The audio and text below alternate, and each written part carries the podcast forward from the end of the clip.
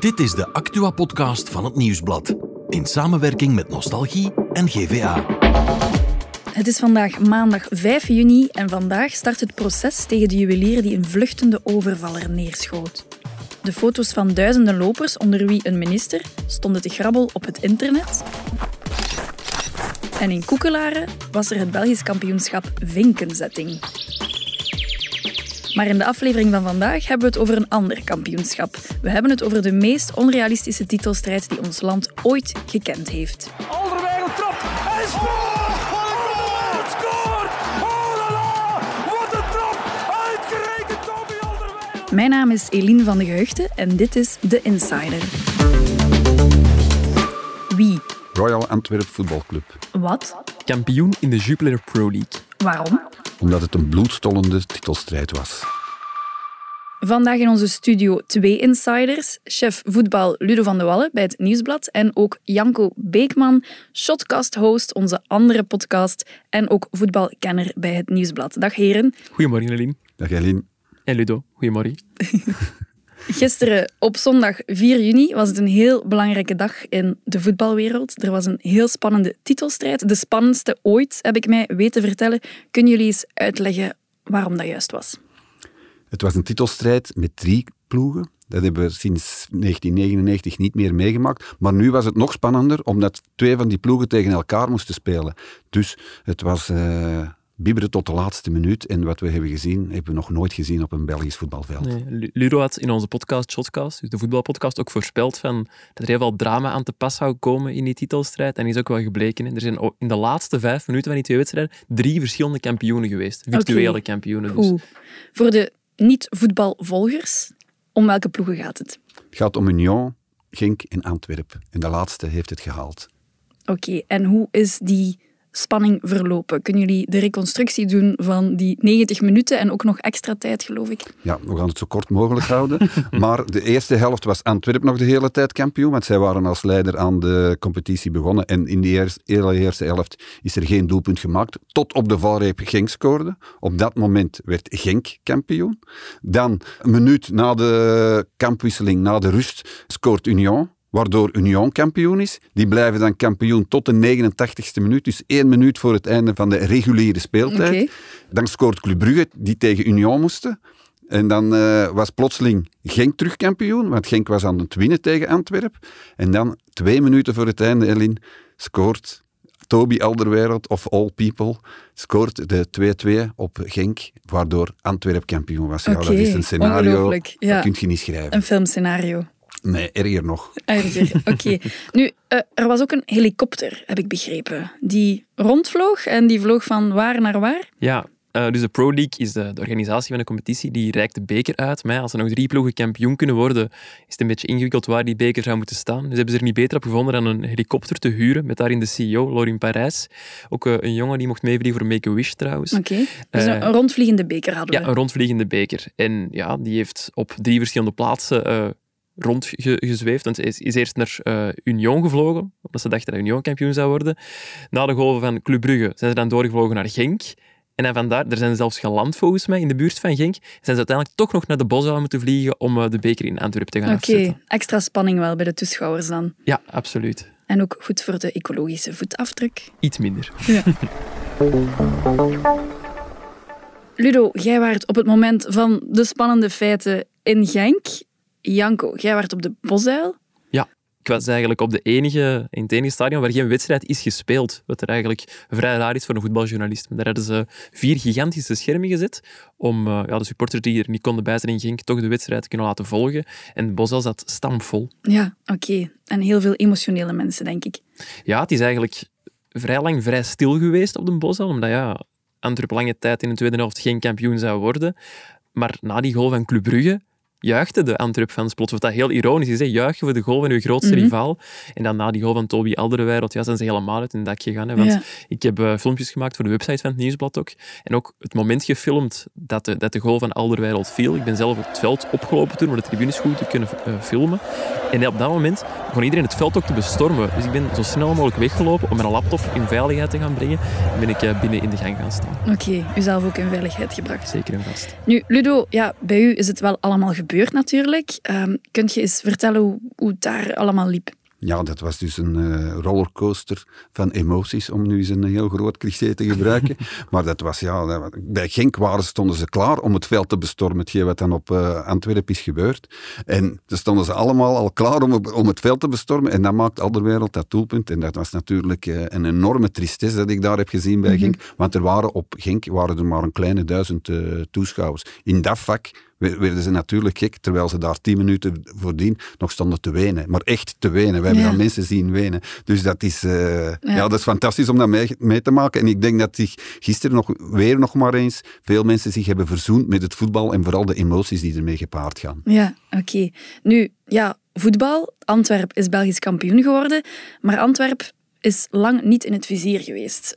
En nee. toch zijn zij kampioen. Hoe komt dat? Nee, we kunnen zeggen dat Antwerpen een achttal jaren op sterven na dood was. Er was niks. De, de, in de kleedkamers was geen warm water niet meer. Uh, overal regende het binnen. Dus okay. die club was ten dode opgeschreven. Dan heeft er iemand een uitstekend idee gehad. Dat is Patrick de Kuiper. En die dacht, ja, die stad, die verdient een goede voetbalclub. En die is naar Paul Gijsens gestapt. Een uh, groot industrieel uit uh, West-Vlaanderen. En hij heeft gezegd, wat is het, wil jij dat niet doen? En blijkbaar heeft hij in drie minuten beslist, ja, ik ga dat doen. En de grote verdienste van, uh, van Paul Gijsens is dat hij die club als een natte dweil heeft opgenomen en dat die nu de topclub in, uh, in België zijn. Je mag niet vergeten, ze hebben nu de titel gewonnen, maar ze hebben ook nog eens de beker gewonnen. Hè. Mm -hmm. Dat is een dubbel, dat is ook al uh, van 1996 geleden.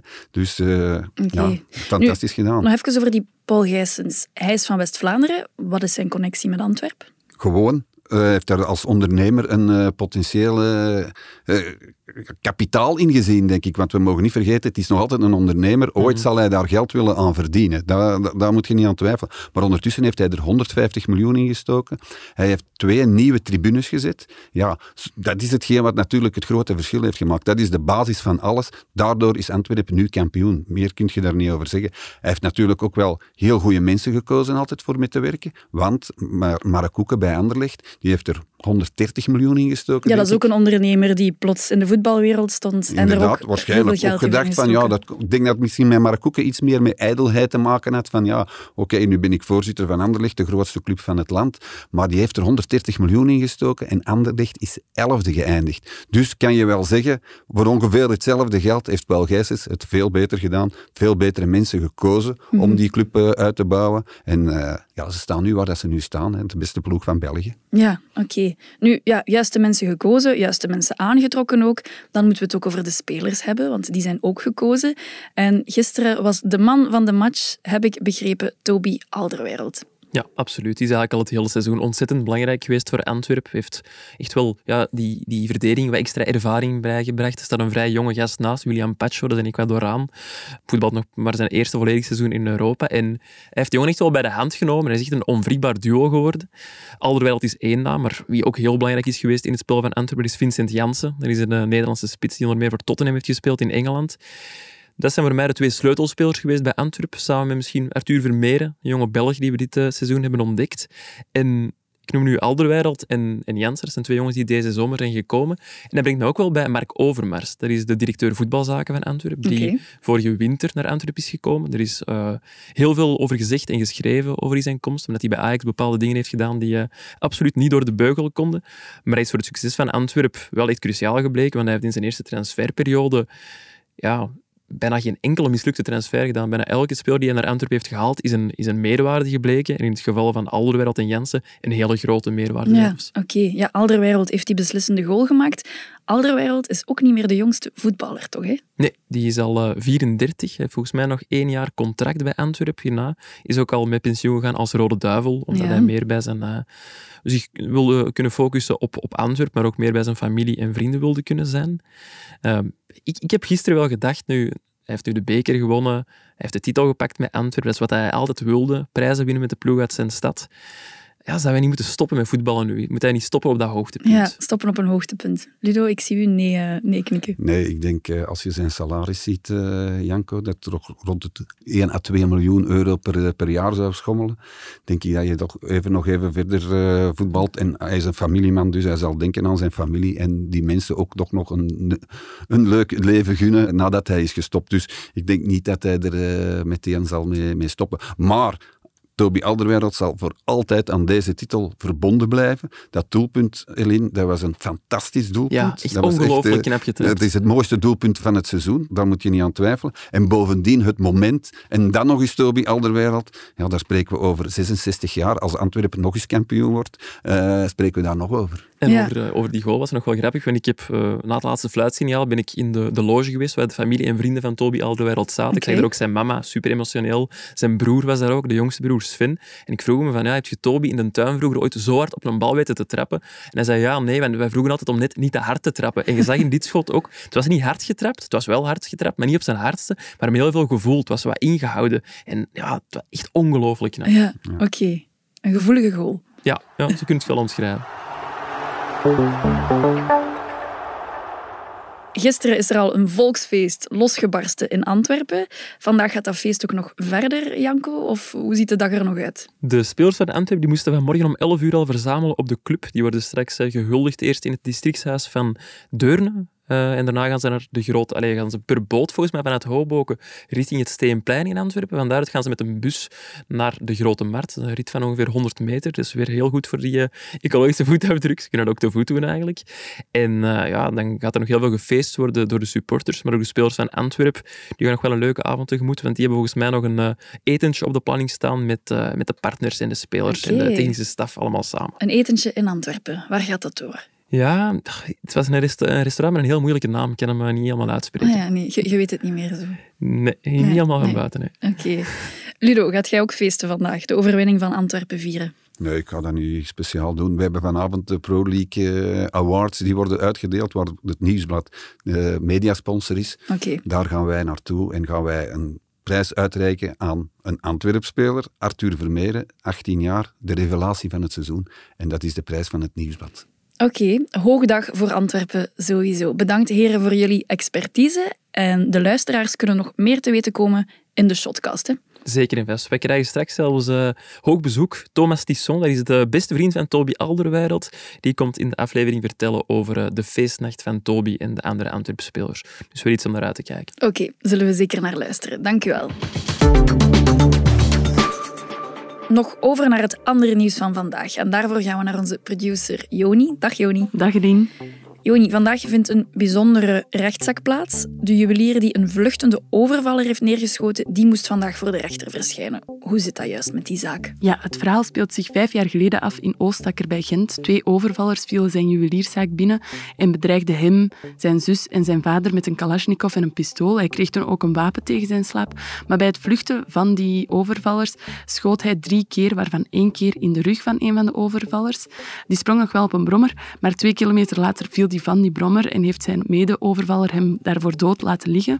Ze hebben toen een half miljoen aan juwelen gestolen en die staat nu dus terecht voor uitgelokte doodslag. Dus de juwelier die de overvaller uiteindelijk ook nog heeft beschoten, die staat vandaag voor de rechter. Ja, en volgens de advocaat gaat het over onweerstaanbare drang. Hij verloor volledig de controle, was in shock doordat hij en zijn familie bedreigd werden. In juni 2022 was hij eigenlijk al buiten vervolging gesteld door de Gentse raadkamer, maar toen is het Oost-Vlaams parket en de burgerlijke partij in beroep gegaan. Dus nu moet hij toch voor de rechtbank verschijnen. Oké.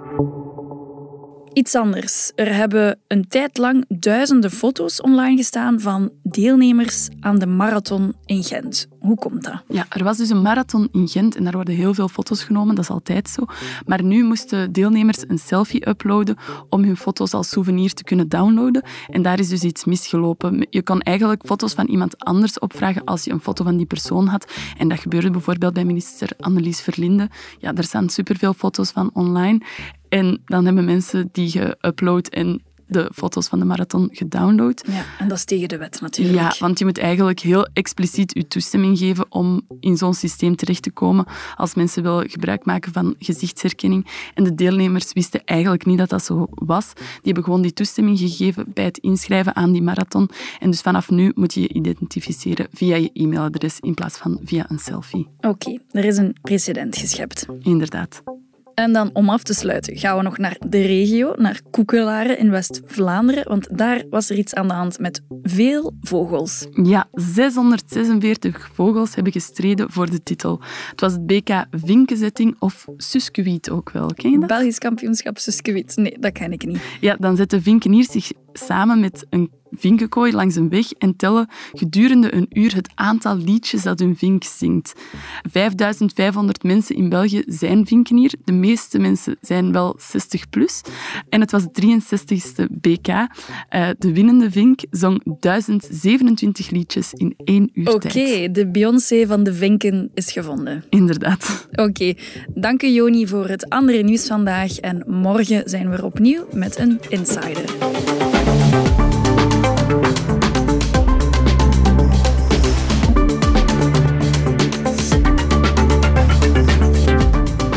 Dit was The Insider, een podcast van het Nieuwsblad in samenwerking met Nostalgie en GVA. De muziek is van Pieter Santens. De montage gebeurde door House of Media. Wil je reageren? Mail naar podcast.nieuwsblad.be.